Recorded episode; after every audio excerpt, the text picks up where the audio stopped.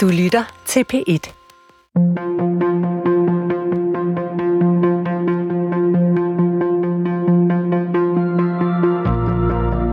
Hvad kan vi bruge en næsten 2.000 år gammel samling tekster til?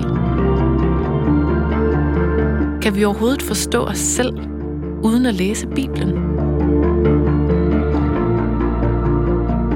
Christian Let mener, at Bibelen er verdens vigtigste bog. Lauke Hendriksen læser den for første gang. Og sammen gennemgår de historierne, der stadig former vores bevidsthed og forsøger at finde ud af, hvad de betyder for os i dag. Velkommen til Bibelen Let Fortalt. Den første pinse, Apostlenes Gerninger, kapitel 2. Hvis kristendommen og historien om Jesus var en film, så ser jeg meget det, vi tager os af i dag, som en anden form for epilog, som, som nærmest efter rulleteksterne, hvor der sådan lige kommer en ekstra scene, der understreger, okay, hvad handlede det her om? Okay, det var det her, det hele handlede om. Nu går vi i gang. Nu sker konsekvenserne af hele den her historie. Ja, Bibelen er arrangeret på den måde, at vi først har de her fire evangelier, og så kommer nemlig apostlenes gerninger, som er sådan, efter Jesus døde, hvad skete der så? Helligånden som sådan, det, det er første gang, den kommer og fare i de tidligste kristne, så de pludselig taler i tunger og kan helbrede folk og gøre under. Og det, det er første gang, vi ser Helligånden som sådan en aktiv kraft i verden, efter Jesus er forsvundet. Mm. Den her scene er både et symbol på, at de havde fat i noget rigtigt, og den er også et bevis på, at deres øh, tanke om, om den her på det tidspunkt døde og genopstandende frelser er rigtig og hellig. Det vil sige, selvom Jesus har forladt øh, bygningen, så er der så fortsætter festen. Det var ikke sådan, så han var der, så forsvandt han, og nu er vi tilbage til før. Det vil aldrig nogensinde blive, som det var før.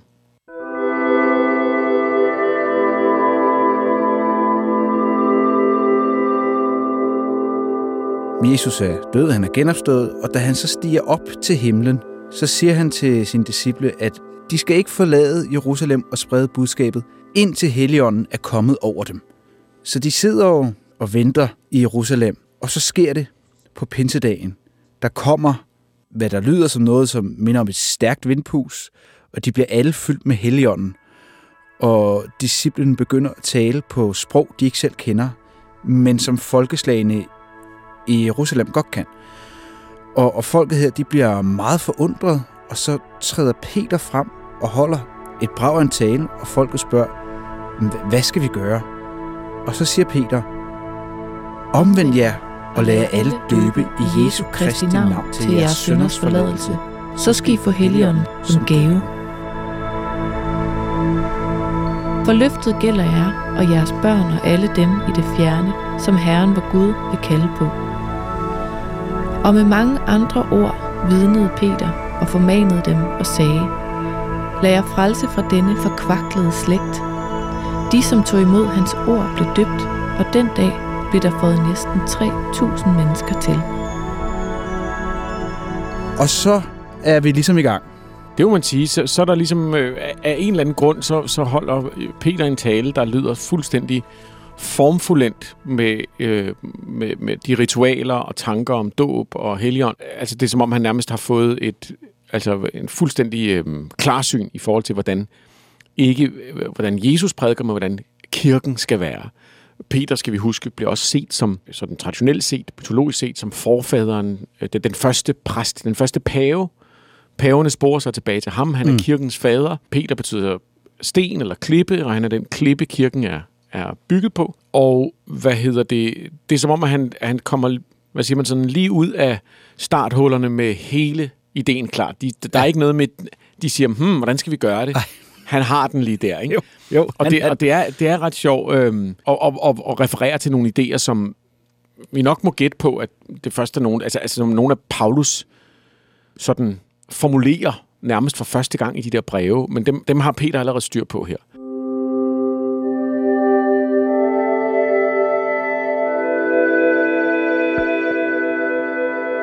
Og apostlenes gerninger, det er som sagt hele fortællingen om, hvad der skete efter Jesus døde. Og den her scene er jo et godt eksempel, ikke? Øhm, som du siger, de sidder der og venter. De er måske endda lidt nedslået. Ja. Altså, det kan godt være, at Jesus er kommet tilbage og stået op igen, men han er også far til himmels. De sidder der og sådan lidt, hvad har vi egentlig? Mm. Altså, vi har ikke fået et magisk svær, eller en, en enhjørning, vi skal ride på, eller du ved, vi er ikke alle sammen, øh, romerne er ikke blevet smidt ud. Øh, er der egentlig noget, der er anderledes? Okay, vi, vi, vi, vi, vi kommer ham i hu, ham her, men, men hvad betyder det? Og så sidder de der og venter, og der er omkring en 120 stykker, men de mødes så for at fejre øh, det, der egentlig hedder Shavut, som er en jødisk øh, højtid, hvor man, man kommer de 10 bud i hu. Altså det er faktisk det er, det er 50 dage efter den jødiske påske, hvor vi jo ved, at øh, øh jøderne blev befriet fra Ægypten. Så øh, 50 dage senere, så er det, at Moses går op på bjerget og får de 10 bud. Det er så dem, man kommer i hu her også. Så ligesom den kristne påske er bygget oven på en fejring af den jødiske påske, så er den, den, den kristne pinse bygget oven på den jødiske høstfest, mm. som det er, hvor mm. man, hvor, man, hvor man mindes de her 10 bud. Og det, det er et vigtigt pointe. Det er en vigtig pointe, at, at det er endnu en af de her højtider, der bliver timet med en jødisk højtid. Det er vigtigt, fordi at i den øhm, øh, kristendom, der, der ender med at vinde ud, der bliver det en meget vigtig pointe, at kristendommen er en videreførelse af en meget, meget ældre tradition, og at det gamle testamente i og for sig, øh, mere end noget som helst andet, er en lang forudsigelse af Jesu komme. Og derfor så passer det godt, at, de, at det er her, det sker. De på en eller anden måde, så sluger de lige den, den jødiske højtid. Det er endnu en gang at skabe en legitimation for, at det her har været planlagt længe.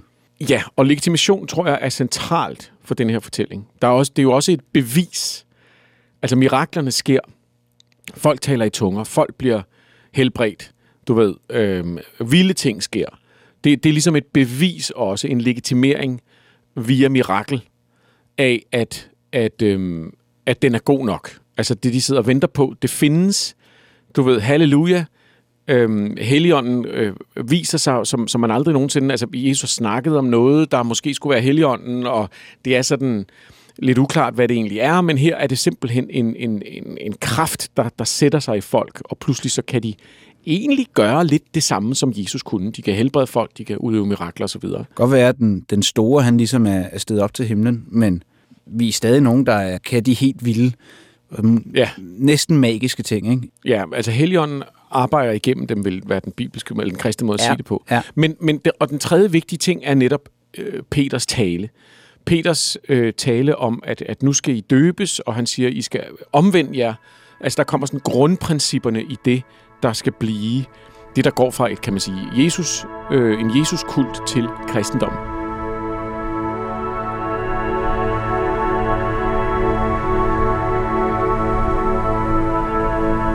Da trådte Peter frem sammen med de elve, og med høj røst talte han til dem.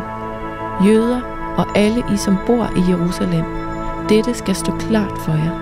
Læg mærke til mine ord. Disse folk er ikke beruset, som I tror. Det er jo kun den tredje time på dagen. Men her sker det, som er sagt ved profeten Joel. Det skal ske i de sidste dage, siger Gud. Jeg vil udgyde af min ånd over alle mennesker. Jeres sønner og døtre skal profetere. Jeres unge skal se syner. Jeres gamle skal have drømme. Selv over mine tralle og trælkvinder vil jeg udgyde min ånd de dage, og de skal profetere. Jeg gør under og oppe på himlen og sætter tegn ned på jorden, blod og ild og kvælende røg. Solen forvandles til mørke og månen til blod, før Herrens store og herlige dag kommer, og enhver, som påkalder Herrens navn, skal frelses.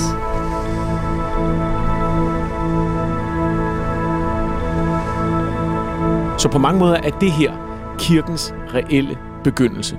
Det er altså sådan i mytologisk form. Det er her, vi går fra fortællingen om en profet, øh, en hellig mand, til en begyndelse på det samfund, der kom bagefter. Det, det er sådan en origin story, som, som kirken og, og det kristne samfund kan, kan skrive sig tilbage til. Og man mener, at Apostlenes Gerninger er skrevet af samme forfatter, som skrev Lukas evangeliet. Mm. De, de, de fortæller en sammenhængende historie. Altså, når man læser Bibelen, så kommer Johannes evangeliet jo lige ind og ligger som det sidste. Øh, men egentlig så fortsætter øh, så hænger de to tekster sammen på tværs af Johannes evangeliet. Okay. Og de fortæller, de fortæller sådan en sammenhængende historie egentlig om Jesu virke, død og genopstandelse, og så hvad der så skete. Men vi er simpelthen ude i en, en, en part 2 her, Ja, vi er ude i, at det her har nok været et helt dokument i sig selv. ah, som er blevet delt op. Ja, altså ideen om at samle alle fire evangelier på den her måde og stille dem op i Bibelen, som vi kender den, er noget, der begynder at cirkulere senere, fordi der er flere evangelier. Og det, det er lidt ligesom, vi har før snakket om det i, i, i jødisk tradition, hvor man simpelthen sammenskriver de forskellige hellige tekster til én tekst. I kristendom vælger man noget andet, man vælger at lade dem stå ved siden af hinanden, selvom de modsiger hinanden tit.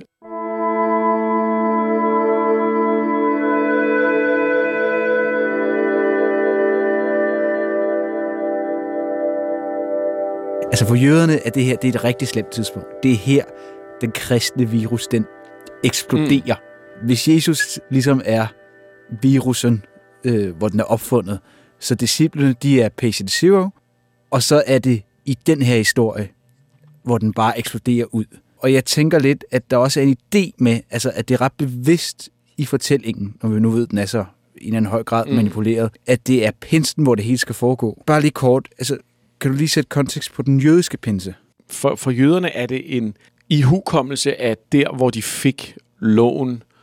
Øh, vi har talt om før, at det er, det er en lovreligion, mm. det er et lovsamfund, og det er her, hvor de får den overleveret. Så det vil sige, det er sådan en påmindelse om det, der måske er det allermest sigende omkring, hvad jødedommen er. Ja. Så det vil sige, når de så går ind i en ny religion, som har som en af sine hovedpunkter, at den gerne vil forholde sig til de love ret kritisk, at den faktisk siger, at jamen, det her nye, der er sket, det er endnu vigtigere. Det trumfer lovene. Mm. Det har helt klart en kæmpe vægt, at denne her fest også forsvinder ind i en kristen kontekst og bliver til en, en ny pagt. Altså det er jo også en pagt. Det er, det er jo en pagt, hvor at efter Jesus har forladt hans følgere og siger, ja, bare rolig, du ved, jeg er ikke helt væk, så er det som om, at her, der bekræfter han det, og Gud bekræfter det ved, at, at, at Helligånden kommer, og så får du den her, det her vilde begreb, som vi bliver nødt til at vende tilbage til i et andet afsnit, som er, at Gud er tredelt. Hmm. Du har øh, Gud, Jesus og Helligånden som tre forskellige præsentationer eller, eller øh, du ved, instanser i den samme Gud, som er en øh, vild og skør idé. Men, men, men i hvert fald så er det ligesom her, at den tredje del kommer. Du har Gud, mm. så har du Jesus, han er hvad der ikke mere. Her kommer Helligånden ind. Så der er en eller anden analog til den jødiske fortælling. At du ved, det her det er pakten, det er den nye pagt. Ja, men, men ja, og, og, og grunden til, at jeg synes, det var interessant, det var den her med, at altså, det er godt planlagt som, som en form for kup, fordi at du har, tolker jeg uden at vide det, men jeg tænker, at det, det er en pinse, der skal fejres. Der kommer en masse til Jerusalem for at fejre det her.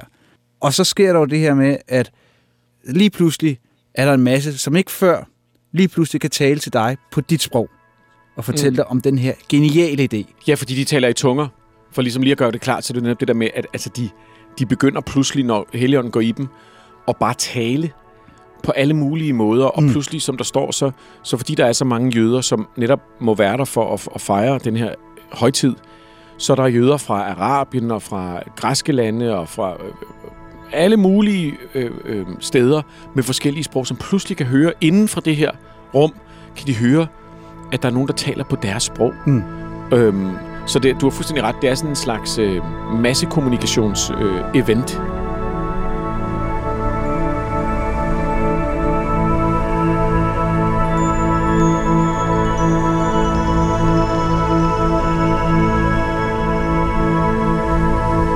Da pinsedagen kom, var de alle forsamlet, og med et kom der fra himlen en lyd, som er et kraftigt vindstød, og den fyldte hele huset, hvor de sad.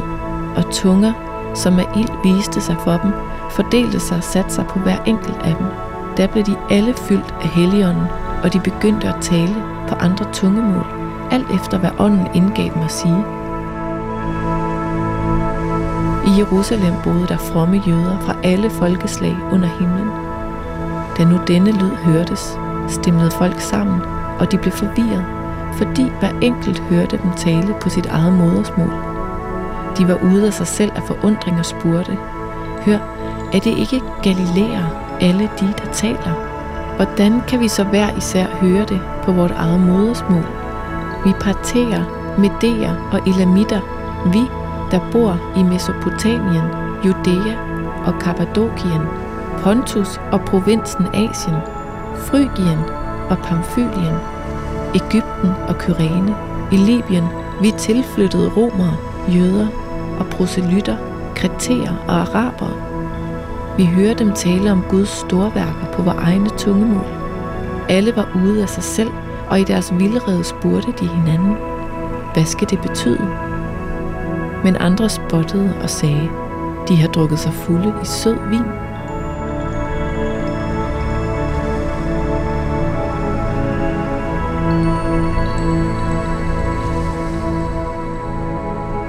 Hvis man lige skal prøve at kigge på, hvad det er at tale i tunger, Ja. øh, hvad, ligner det?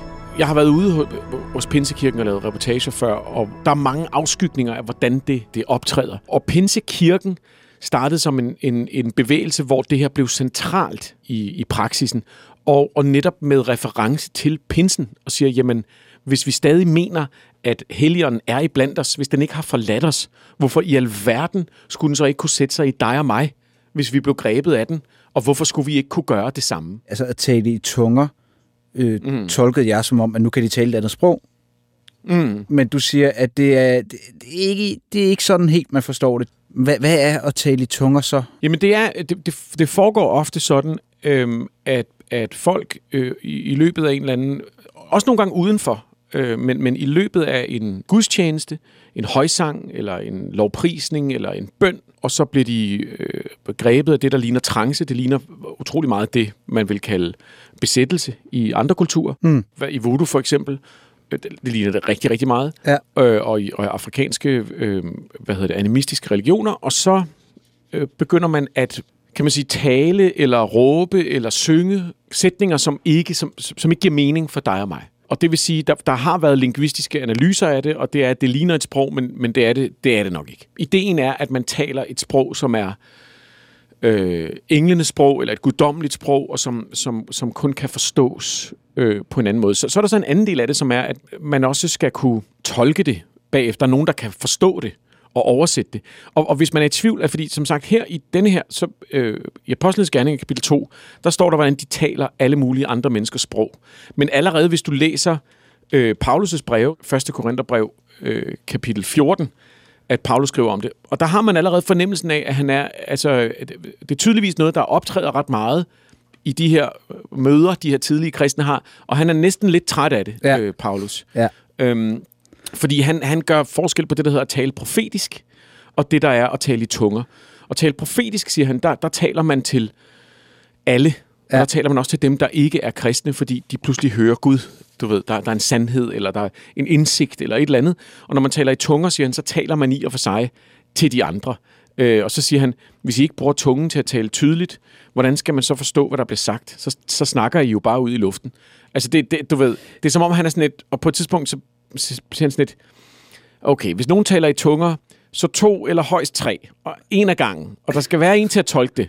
Hvis der ikke er nogen til at tolke det, skal den, der kan tale i tunger, tige stille i menigheden. Det står der han, simpelthen. skal jo, han kan jo tale til sig selv og Gud. Jeg læser ordret op Ej, af Paulus første Korintherbrev.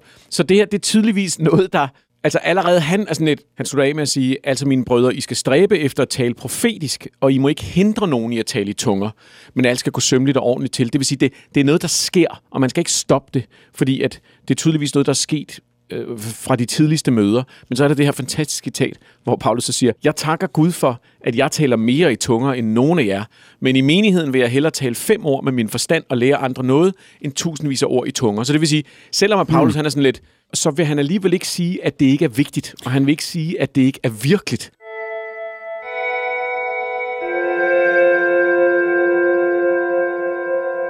Pinsekirken er tit sådan lidt udskilte eller, eller latterliggjorte mm. øh, af de mere sådan seriøse, klassisk protestantiske eller katolske øh, retninger, fordi de, det ser lidt vildt ud, hvis du, de har også mellem os virkelig dårlig musik i Pinsekirken, og, og, og, der, og, og det kan godt sådan, hvis man kigger på det udefra, se sådan lidt, lidt usekset ud. Men jeg, jeg vil hellere vente den om og sige, Pinsekirken er de eneste, der tager det her alvorligt. Det står i Bibelen. Paulus beskriver det. Paulus er, er, er, er meget seriøs, meget teologisk, meget, øh, du ved... Men har også Altså, sine det- problemer med det, ikke? Altså, Men har sine problemer med det, men anerkender, at det findes. Jeg har sværere ved at forstå, hvis du tænker på det her, se den katolske messe for dig, som er, du ved, sober, alvorlig, langtrukken, højtidelig.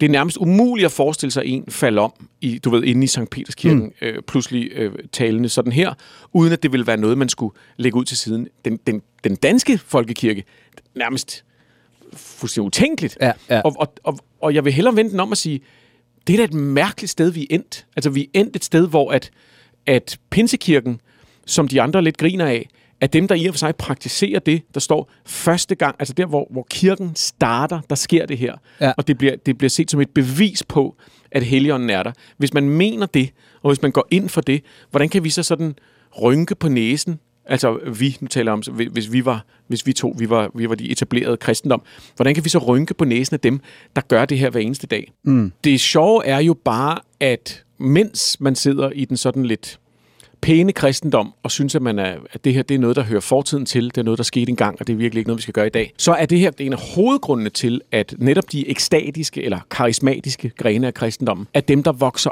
allerhurtigst i dag. Altså der, hvor kristendommen virkelig vokser i de løbet af de sidste 100 år, det er, har været Sydamerika og så Afrika. Ja. Og det, der sker dernede, det er, at altså i Sydamerika, som jo er klassisk katolsk kontinent, mm. der er øh, altså evangeliske og, og, og baptister og netop Pinsekirken, som har meget mere voldsomme sekvenser, hvor folk bliver grebet af heligånden. De, de vokser øh, meget, meget hurtigere, fordi, vil jeg mene, de religioner, der var der i forvejen, specielt i, i Afrika, de har også ekstasen med sig. De har besættelsen med sig. Mm. De har ånden, der øh, sætter sig igennem i mennesket, og oplevelsen af, at, at når du går til en, en ceremoni, et ritual, en gudstjeneste i det her tilfælde, så oplever du det guddommelige. Noget, der er fuldstændig fraværende i, i, i moderne, sådan vestlig, nordisk kristendom. Men Christian, der vil jeg jo tro, at det er fordi, at de har noget andet religion, som ligger op af, hvor man har det her. Det er helt klart pointen, synes jeg, at det er ikke fordi, der har været en anden religion, som de har haft, der minder om det. Det er fordi, at alle de her religioner har haft det. Mm. Altså det er ideen om at have en, en transcendens, eller en, en, en trance, eller en, en oplevelse af, at det guddommelige eller åndelige optager en og fylder en op og overtager ens væsen. Det er ikke noget nyt. Det er heller ikke noget, der kommer med Helligånden i Bibelen. Det er noget, vi, vi, vi, vi kender fra altså du ved, animismen, fra shamanismen, mm. men vi taler om en årtusinder gammel tradition om at lade det guddommelige indtage ens mm. krop. Øhm, og det er i og for sig, det er det, der sker her i Bibelen. Jeg synes, det er meget spændende at tale om Pinsekirken og om de her andre øh, grene, fordi vi kigger på dem som nogle... Øh, man kan have en tendens til at kigge på dem som nogle weirdos. På en eller anden måde, synes jeg, de igen viser, hvordan den her religion, som, som vi lever i i dag, som er en mærkelig konstellation af civilisation og filosofi og etik og mirakler og magi, hvordan den egentlig har rødder i noget, som nok er meget mere alment menneskeligt, og måske noget, der, hvis man kunne sådan øh, spekulere lidt, når kristendommen en dag fortager sig, så er det nok det, vi går tilbage til. Men det er jo interessant at sige, hvordan er den nået dertil? Altså, jeg har meget billede af, altså ud fra det, du lige har sagt, kristendommen som sådan den der unge teenager i skolegården, der kigger på de yngre, der spiller der rollespil, hvor fantasien den er i fuld flor, ikke? Og den der teenager sidder og siger, hold kæft, hvor er det der bare åndssvagt. Og det er den samme teenager, som få år forinden gjorde akkurat det samme. Ja, 100 procent. Det synes jeg er et rigtig fint billede. Og, og det er det, der er interessant, som sagt, jeg var inde på det lidt før, det her med, der, der, der kommer simpelthen en teologisk diskussion, specielt i protestantismen, om hvornår miraklernes tid stoppede. Jeg ved ikke, hvad der er skørest. At tro, at der udspiller sig mirakler, eller at tro, at det gjorde der engang, men den stoppede den tid. Hmm. Det skal ikke at skulle have en religion, der var baseret på, at en gang for 2000 år siden, så skete der en masse vilde ting, og vi bliver nødt til at tage det alvorligt, det de siger nu. Men det er ikke noget, der sker mere det, det, det er måske egentlig det, der er det, det interessante, at det er sådan, vi tænker. Det er meget, meget aparte egentlig. Og det er ikke engang øh, en standard inden for kristendommen, selvom at der, det er som om, jo, jo, jo mere lært kristen man er, jo mindre gider man egentlig, at folk de stadig skulle kunne udøve de her ting. Ikke?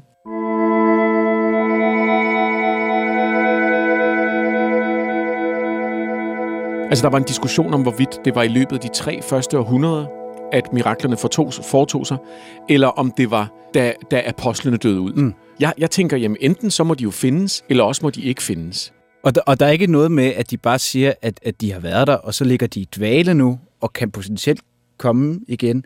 Det har været den, den, den grundlæggende tanke. Det har været grunden til, at man så siger, altså at man i dag er, er, er, er på vagt over for det, at man er fjendtlig over for det. Jeg har været ude at besøge også sådan nogle netop øh, karismatiske kristne i Danmark, altså som helbreder folk. Mm. De holder gudstjenester, hvor der dukker hundredvis af mennesker op, og så øh, helbreder de folk. Det sker i Danmark lige nu, i dag. Og det er ikke noget, sådan folkekirken egentlig har lyst til at beskæftige sig særlig meget med. De her mennesker, de fungerer på ydersiden af kristendommen eller på den etablerede religion. Jeg vil, jeg vil mene, at de fleste ateister og de fleste normale protestanter, de vil have samme holdning til det her, mm. som er, at det er noget kvaksalveri. Ja. Og de der mennesker, de, de er ude på et eller andet. Ikke? Jo. Upåagtet, at, at denne her tradition, altså den ikke bare står i Bibelen, men den har trådet til langt, langt, langt tilbage. Så man kan sige, det, det spændende er, hvad er der tilbage, hvis vi tager muligheden for Helligåndens, øh, du ved, øh, mirakler gennem de troende ud af kristendommen. En af de ting, jeg, jeg, jeg synes er vigtigt at forstå, det er, at når jeg siger for eksempel, at begreber som rationalisme og logik og det, det videnskabelige verdenssyn, materialisme, kildekritik, uddannelse eller oplysningstanken, alle sammen har rod i det kristne tankesystem, så er betydningen ikke, at de er kristne idéer, og at de bare viderebringer en kristen idé, men faktisk, at de har udformet sig i en tradition, som vi er en del af, og har været med til at ændre den tradition undervejs. Sådan så, at også kristendommen i dag er fuldstændig på, altså står på mål for alle de her idéer. Det vil sige, kristendommen i dag, fordi den har udviklet sig sammen med de her tanker, og fordi de tanker er blevet udviklet i et vestligt, kristent, øh, kulturkristent system, har, har, har ikke bare, øh, er ikke bare kommet ud af en masse kristne tanker. Altså, vi har talt om det før, missionsbefalingen, øh, du ved, alle de her teologiske diskussioner osv. osv. Men det har også ændret kristendommen langsomt, løbende, undervejs. Sådan så kristendommen i dag står og har utrolig svært ved at forholde sig til nogle af de mere irrationelle, ikke så etiske, ikke så fornuftige idéer om, hvordan verden egentlig hænger sammen. Og det er paradoxalt. Det er paradoxalt, at vi læser den her Bibel, og vi ser, at den er fyldt med visioner og mirakler og syner, og alligevel så vil, vil de her ting have meget svært ved at finde sted i den kristendom, vi i hvert fald kender i Danmark. De fleste af os. Så, så, så, så for mig at se, så er det jo, altså som sagt, det, det er jo det er jo et helt program i sig selv, eller det er måske en masse. Måske er det det, vi faktisk er i gang med. Måske ja, er det alle de her ja. programmer, der på en eller anden måde prøver at handle om det. Fordi vi er endt et sted, hvor der, hvor det, der ikke er plads til det mere. Og, og spørgsmålet er så, hvad der, hvad der så er tilbage. Så, så vi har en, en vild tanke i kristendom, at vi dyrker noget, der er sket engang, men som ikke kan ske igen. Jeg synes i hvert fald, det er, er for kristendommen og protestantismen et, et stort paradoks. Jeg synes, paradoks er det fuldstændig rigtige ord. Det, det er et paradoks.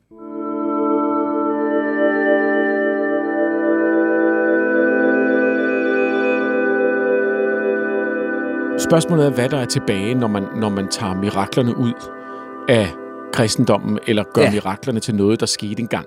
Jeg kender ikke til andre religioner, altså hvor der ikke i praksis også er en overskridelse af grænsen mellem det værtslige og det overnaturlige mm. til stede. Og hvis den overskridelse, altså kontakten med det guddommelige, kun er noget, vi skal forstå, når vi for eksempel modtager nadver, eller sidder i kirken og skal føle en eller anden form for vagt, definerbar tilstedeværelse, så vil jeg mene, at det er svært at se, hvordan det egentlig skal kunne overleve i 2000 år til. Og der tror jeg egentlig meget mere, at de versioner af kristendommen, der bliver ved med at opretholde den her form for levende interaktion med det guddommelige, jeg tror, jeg spår dem egentlig umiddelbart en meget, meget bedre chance.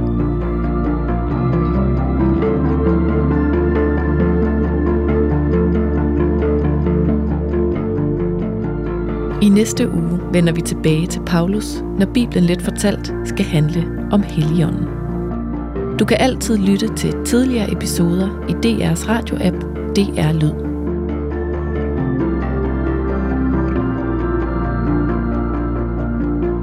Bibelen Let Fortalt er skrevet og klippet af Christian Let og Lauke Hendriksen for Munk Studios. Hanne Butjørnsen er redaktør, og mit navn er Karen Strohrup.